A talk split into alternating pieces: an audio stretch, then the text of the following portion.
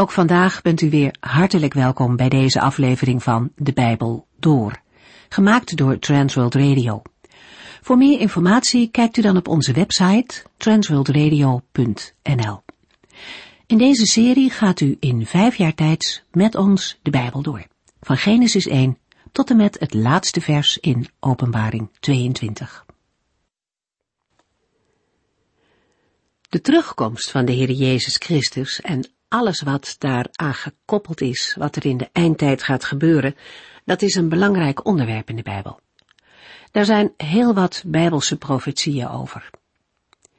In de brief aan de Thessalonicenzen gaat Paulus ook op het onderwerp in. In de jonge gemeente waren er een heleboel vragen opgekomen hoe het zat met gelovigen die al doodgingen, terwijl de Heer Jezus nog niet teruggekomen was. Wat zou er met hen gebeuren bij de wederkomst? Paulus wilde niet dat christenen in onzekerheid leven over gestorven medegelovigen. Hij legt uit dat zowel de overleden christenen als zij die nog in leven zijn wanneer de Heer terugkomt, hem tegemoet zullen gaan. En zoals we vandaag zullen lezen, gaan de overledene christenen zelfs het eerst. Dat is de hoop van christenen. Paulus schetst ook het contrast tussen mensen die wel en niet geloven. Er is droefenis als iemand sterft, maar christenen kennen naast die droefenis ook hoop. En daarom hoeven ze niet op dezelfde manier verdrietig te zijn als mensen die denken dat met de dood alles is afgelopen. Dat is een wezenlijk verschil. Paulus gebruikt in dit gedeelte ook het woord ontslapen als hij het over sterven heeft. Een christen sterft immers niet echt, maar mag door de dood heen thuiskomen bij de Heer Jezus. Over de vraag hoe en waar dat is, hebben we in de vorige uitzending verschillende Bijbelplaatsen gelezen. En daaruit kwam naar voren dat we aan twee fasen mogen denken. De Bijbel spreekt over het dodenrijk en als tegenhanger het paradijs of de eeuwige woning waar de zielen van gelovigen direct naar de dood heen gaan. Aan het eind van de tijd zal er echter ook een opstanding uit de doden plaatsvinden. Wij zullen daar in de uitzending van vandaag verder over praten. U kunt over dit onderwerp zelf ook lezen in 1 Thessalonie 4. We beginnen bij vers 13. In de vorige uitzending hebben we gelezen dat de komst van Christus een bemoedigende hoop is. Paulus mag de christenen in Thessalonica en ook ons bemoedigen met de werkelijkheid van de christelijke hoop. De apostel schrijft in 1 Thessalonicense 4 vers 13 over wat er gebeurt met christenen die sterven, willen wij u niet in het onzekere laten. U hoeft over hen geen verdriet te hebben, zoals de mensen die zonder hoop leven. Natuurlijk is er bij het heengaan van iemand die je dierbaar is en waar je van houdt, verdriet over de lege plaats en het niet meer bij elkaar kunnen zijn. Maar de christelijke hoop gaat verder dan het graf en het verlies van dierbaren. Een gelovige mag weten, Jezus is voor ons gestorven om ons voor altijd met Hem te laten leven. Of wij bij Zijn terugkeer nu al gestorven of nog in leven zijn. Met deze werkelijkheid mogen gelovigen elkaar bemoedigen en versterken. Christenen mogen huilen, natuurlijk. Daar is niets verkeerds mee aan de hand. Paulus zegt in 1 Thessalonicense 4 vers 14 niet dat gelovigen niet moeten huilen. Wat hij wel zegt is dat een gelovige niet hoeft te reageren zoals mensen die geen hoop en uitzicht hebben. Voor hen is de dood het einde van alles. Maar een christen weet en heeft vanuit Gods woord geleerd dat de dood de doorgang is naar het eeuwige leven. Als de Heere zelf uit de hemel is neergedaald, zullen wij Hem in de lucht ontmoeten en altijd bij Hem zijn. 1 Thessalonicense 4 vers 14 Want zoals wij geloven dat Jezus na zijn dood weer levend is geworden, geloven wij ook dat God de gestorven christenen met Christus zal laten terugkomen. Na het woordje want volgt in vers 14 de reden waarom gelovigen wel hoop hebben, namelijk door de opstanding van Jezus Christus. Zoals verwijst naar een van de pijlers van het christelijk geloof en de gemeente van Jezus Christus. de opstanding van Jezus Christus uit de doden. De dood is niet oppermachtig, maar ondergeschikt aan de Here. Dankzij de levensgemeenschap tussen Christus en de zijnen, zullen ook de christenen die gestorven zijn, delen in de verheerlijking van Christus bij zijn wederkomst. Paulus schrijft aan de gelovigen in Rome, en zoals Christus weer levend is gemaakt door de heerlijke macht van de Vader, zo mogen wij nu ook een heel nieuw leven leiden. We zijn dus één geworden met Hem, één in dood en leven. Wij weten dat de persoon die wij vroeger waren niet meer leeft. Die is met Christus aan het kruis gestorven. Zo is er afgerekend met het wezenlijke van de zonde. De zonde heeft niets meer over ons te zeggen. De zonde heeft geen macht over een dode. Als wij met Christus gestorven zijn, geloven wij dat we ook met Hem zullen leven. Wij zijn er zeker van dat Christus, nu Hij uit de dood is opgestaan, niet meer zal sterven. De dood heeft geen macht meer over Hem. Door Zijn sterven heeft Hij de macht van de zonde eens en voor altijd gebroken. Zijn leven is een leven voor God. Beschouw uzelf daarom als dood voor de zonde omdat u één bent met Christus Jezus, leeft u nu voor God. En dat is nog niet alles. Want in Romeinen 8, vers 10 en 11 schrijft de apostel, als Christus in u woont, is uw lichaam weliswaar onderworpen aan de dood door de zonde, maar de geest is uw leven, omdat God u als rechtvaardig beschouwt. Als de geest van God in u woont, heeft dat ook gevolgen voor uw lichaam. God heeft Jezus uit de dood opgewekt. Wel, doordat zijn geest in u woont, zal hij ook uw sterfelijke lichaam levend maken. Paulus baseert zijn onderwijs op de dood en opstanding van Jezus Christus. Het is een vaststaand feit dat Christus uit de doden is opgestaan. De gelovigen zijn met Christus gestorven en opgestaan. Daarom zullen zij na hun lichamelijke dood ook lichamelijk worden opgewekt. De beleidenis van de opstanding uit de doden stond al vanaf het begin van de christelijke gemeente onder druk. Paulus schrijft in 1 Corinthiërs 15 vers 12 tot en met 22. Als u nu het heerlijke nieuws hebt gehoord dat Christus weer levend is geworden, hoe kunnen sommigen van u dan zeggen dat er geen enkele dode ooit weer levend wordt.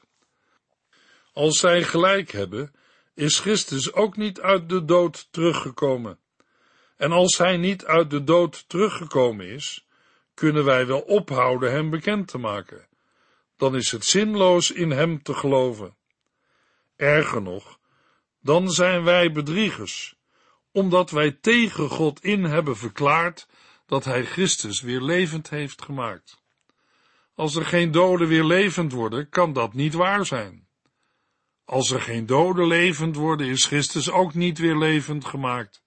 En als Christus niet weer levend is geworden, dan heeft uw geloof geen betekenis en zijn uw zonden niet vergeven. Ja, dan zijn de gestorven gelovigen reddeloos verloren. Als wij alleen voor dit leven onze hoop op Christus hebben gevestigd, zijn wij meer te beklagen dan wie ook. Maar zo is het gelukkig niet. Christus is weer levend gemaakt, als eerste van de velen die gestorven zijn.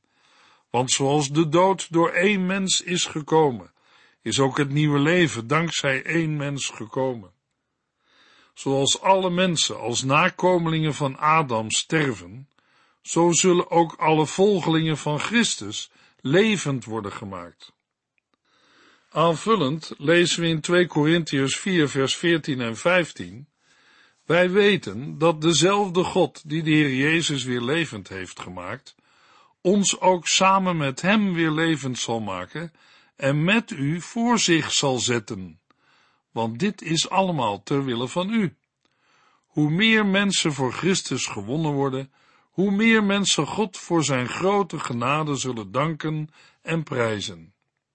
Ja, luisteraar, Laten ook wij met het koor van alle christenen uit alle tijden, volken en talen, de Heere danken en prijzen voor zijn grote liefde en genade. Want zoals wij geloven dat Jezus na zijn dood weer levend is geworden, geloven wij ook dat God de gestorven christenen met Christus zal laten terugkomen.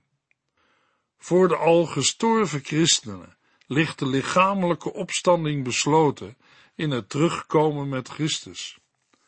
Paulus maakt hiermee duidelijk dat zij bij de wederkomst van Jezus Christus niet in het nadeel zijn ten opzichte van de levenden. In de Griekse tekst wordt niet de naam Christus, maar Jezus genoemd.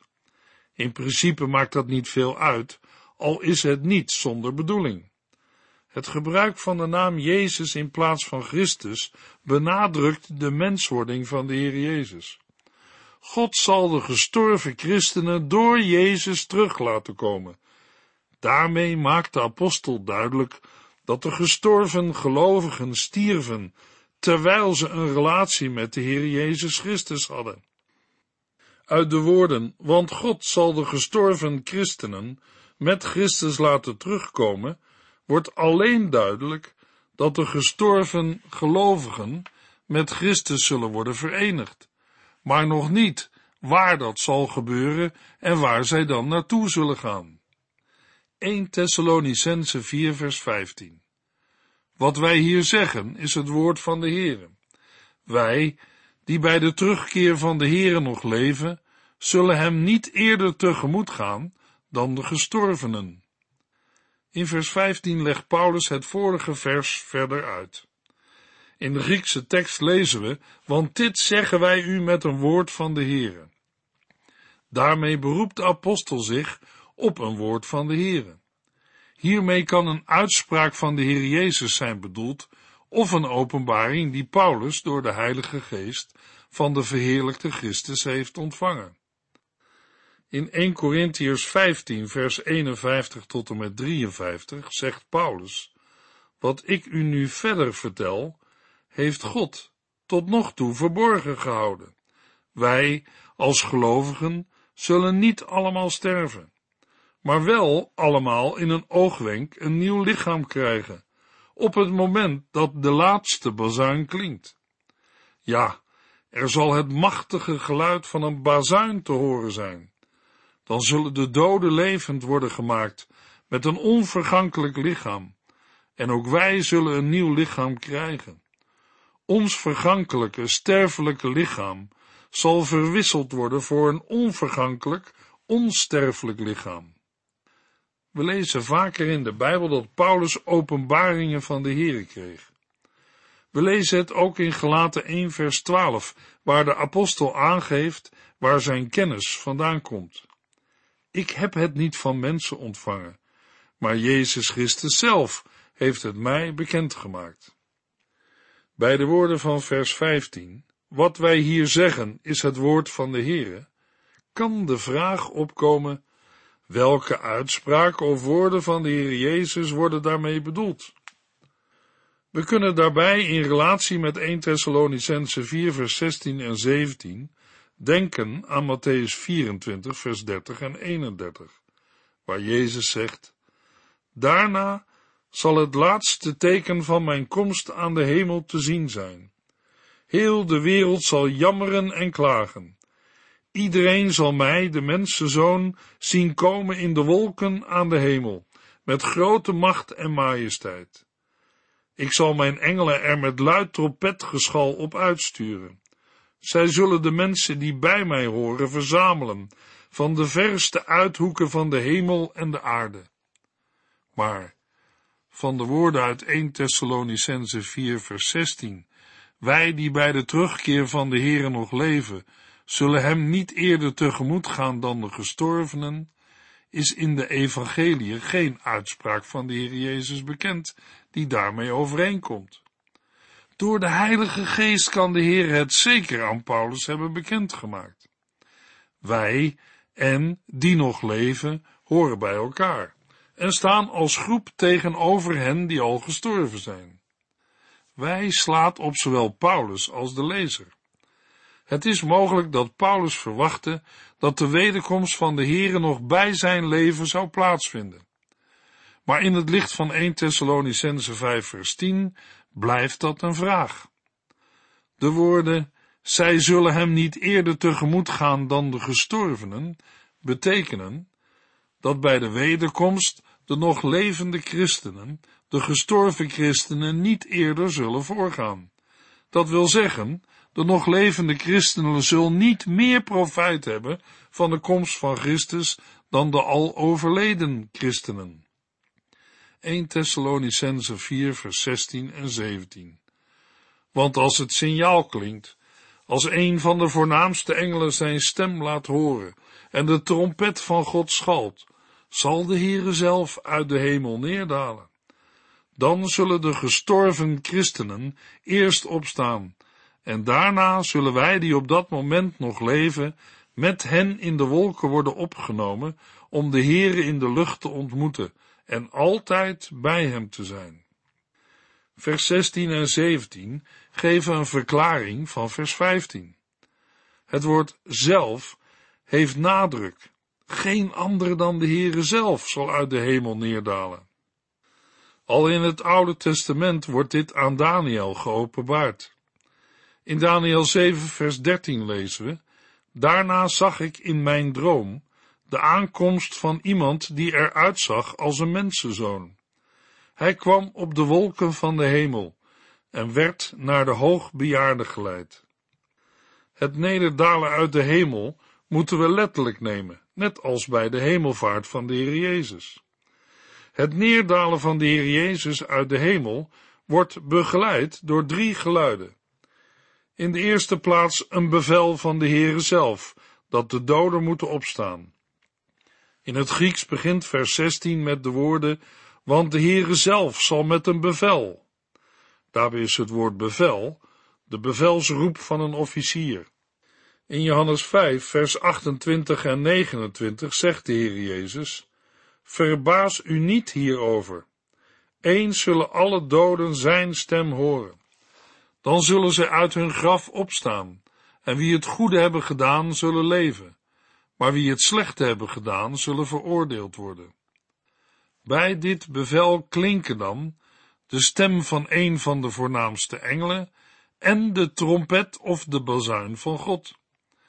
Zij moeten de roep of het bevel overbrengen naar de hele aarde. Een andere opvatting, gebaseerd op Zacharia 9 vers 14, Openbaringen 1 vers 10 en Openbaring 4 vers 1, is dat er maar één geluid is, het bevel van de Heere. De stem van een van de voornaamste engelen en de trompet van God geven dan de kracht en de betekenis van het bevel aan. De Joden kenden zeven aartsengelen, letterlijk opperengelen. In de Bijbel lezen we alleen in 1 Thessalonicense 4 en in de brief van Judas over een aartsengel. Andere vertalingen voor aartsengel zijn opperengel of een van de voornaamste engelen. In de brief van Judas wordt de naam van de aartsengel Michael genoemd. Ook Paulus zal in 1 Thessalonicense 4 de aartsengel Michael bedoelen. We vinden in de Bijbel geen duidelijke ranglijst van engelen, maar we ontdekken wel dat er in de engelenwereld onderscheid is in macht en gezag. De onderscheidingen die we in de Bijbel tegenkomen zijn aartsengelen, met name Michael, en boodschappers of engelen van de Heere, met name Gabriel. Naast de aartsengelen en engelen worden er in de Bijbel ook serafs en gerubs genoemd. Bij de bespreking van Colossense 1 vers 16 hebben we gelezen dat in Christus alles in de hemelen en op de aarde is geschapen. Al het zichtbare en onzichtbare, koningen en wereldheersers, regeringen en andere autoriteiten, alles is in Christus gemaakt tot zijn eer. Met de aanduidingen koningen, wereldheersers, regeringen en andere autoriteiten worden voor de onzichtbare wereld verschillende soorten bovenaardse engelenmachten bedoeld. Paulus noemt ze in zijn brief aan de Colossense omdat er in Kolosse dwaalleraren waren die engelen vereerden naast of in plaats van Christus. Niet de engelen of machten beheersen de wereld, maar Christus. Want als het signaal klinkt, als een van de voornaamste engelen zijn stem laat horen en de trompet van God schalt, zal de Heere zelf uit de hemel neerdalen. Trompet en bazuin zijn verschillende vertalingen van een Grieks woord dat de betekenis heeft van een instrument met een scherp geluid. In het Oude Testament begeleidt trompet of bazuingeschal de verschijning van de Heere. Ook werd met de trompet of de bazuin het signaal gegeven tot verzamelen van soldaten. In het Nieuwe Testament is trompetgeschal de aankondiging van het verzamelen van de uitverkorenen, allen die bij de Here horen, maar ook van het oordeel in Openbaring 8 en 9 en van de opstanding in 1 Corinthians 15 vers 52. Voor de woorden de gestorven christenen staat in de Griekse tekst de doden in Christus. Het betekent allebei hetzelfde. Maar met de woorden de doden in Christus komt beter uit dat de gemeenschap met Christus in en door de dood niet is opgegeven. Het woordje eerst stelt de overleden christenen tegenover de nog levende gelovigen, niet tegenover andere doden. Dat zij eerst zullen opstaan betekent dat ze weer levend worden. Paulus zet een woord van de Heer op schrift dan zullen de gestorven christenen eerst opstaan, en daarna zullen wij, die op dat moment nog leven, met hen in de wolken worden opgenomen, om de Heere in de lucht te ontmoeten en altijd bij hem te zijn. Samen met de gestorven christenen zullen, bij de wederkomst van Christus, de nog levende christenen in de wolken worden opgenomen, om de Heere in de lucht te ontmoeten en altijd bij hem te zijn. Er zal op de dag van Christus wederkomst geen onderscheid zijn tussen de nog levende en de dan al overleden gelovigen. Hiermee geeft Paulus antwoord op een vraag die bij de gelovigen van Thessalonica leefde. De apostel heeft het dan niet over het lot van de ongelovigen of over het eind gericht op de laatste dag en de algemene opstanding van de doden.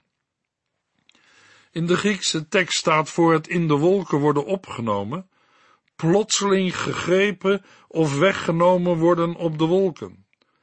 Het geeft een plotselinge verplaatsing door goddelijk ingrijpen aan. De wolken zijn gedacht als hemels transportmiddel. Het in de wolken worden opgenomen heeft tot doel de Here in de lucht te ontmoeten. Voor ontmoeten staat in het Grieks naar de ontmoeting. Het was een vaste uitdrukking voor het buiten de stad tegemoet gaan en welkom heten van een belangrijke bezoeker, meestal een koning of keizer, om hem een geleide te geven bij zijn aankomst. In de lucht geeft aan waar de ontmoeting plaatsvindt, tussen hemel en aarde. Daarbij blijft het onduidelijk of de Heere met zijn gemeente eerst terugkeert naar de hemel, of dat na de ontmoeting in de lucht de gemeente de Heer Jezus begeleidt naar de aarde. De betekenis van de Griekse uitdrukking naar de ontmoeting pleit voor het laatste. Dan zullen de gelovigen altijd bij de Heere zijn. Daar ligt voor Paulus het zwaartepunt van de toekomstverwachting, niet in een beschrijving van de toestand van de wereld. De toekomstverwachting van een gelovige in Christus is het resultaat van het werken en komen van Christus. Dat de hereniging met Christus het zwaartepunt is van Paulus' toekomstverwachting, blijkt ook uit 2 Thessalonicense 2 vers 1 tot en met 4. Wat de terugkeer van onze Heer Jezus Christus en onze hereniging met Hem betreft, broeders en zusters, vragen wij u dringend het hoofd koel te houden. Laat u niet in de war brengen door geruchten dat de grote dag van de Heere er al zou zijn. Als u mensen hoort die hierover een profetie of een bepaalde uitspraak of zelfs een brief van ons zouden hebben gekregen, geloof hen niet. Laat u door niemand iets wijsmaken, want de dag komt pas als twee dingen zijn gebeurd. Eerst zal de grote ontrouw aan God komen, en daarna zal de mens van zeer grote zonde opstaan, die tot ondergang is gedoemd. Hij zal God uitdagen en alles omverwerpen wat de mensen vereren. Hij zal zelfs in de tempel van God gaan zitten en beweren dat hij God is. Het zijn gebeurtenissen die voorafgaan aan de dag van de Here.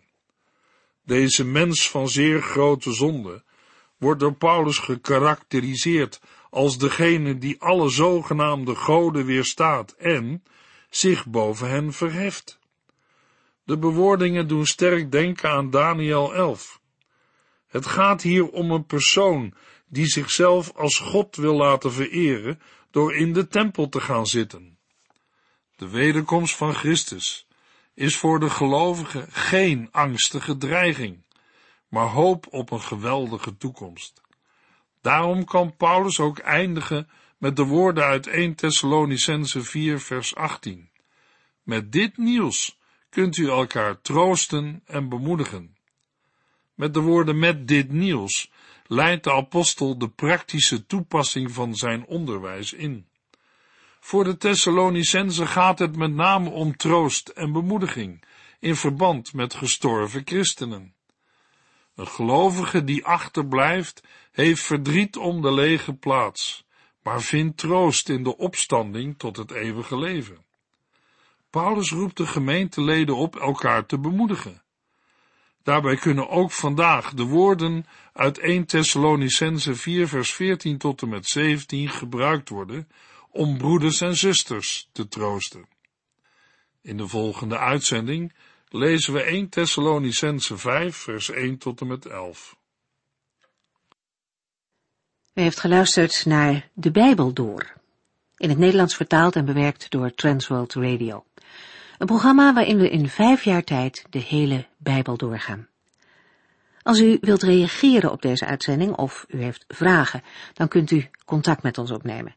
Tijdens kantooruren kunt u bellen op 0342 478432 0342 478432. Ook kunt u een e-mail sturen naar de transworldradio.nl en natuurlijk kunt u ook via de post ons bereiken. TWR, postbus 371, postcode 3770, AJ in Barneveld. Dit programma werd gepresenteerd door Cor Weda en Ike André. Techniek was in handen van Odin van Voerkom. En wij allemaal bedanken u voor het luisteren. Graag tot de volgende keer.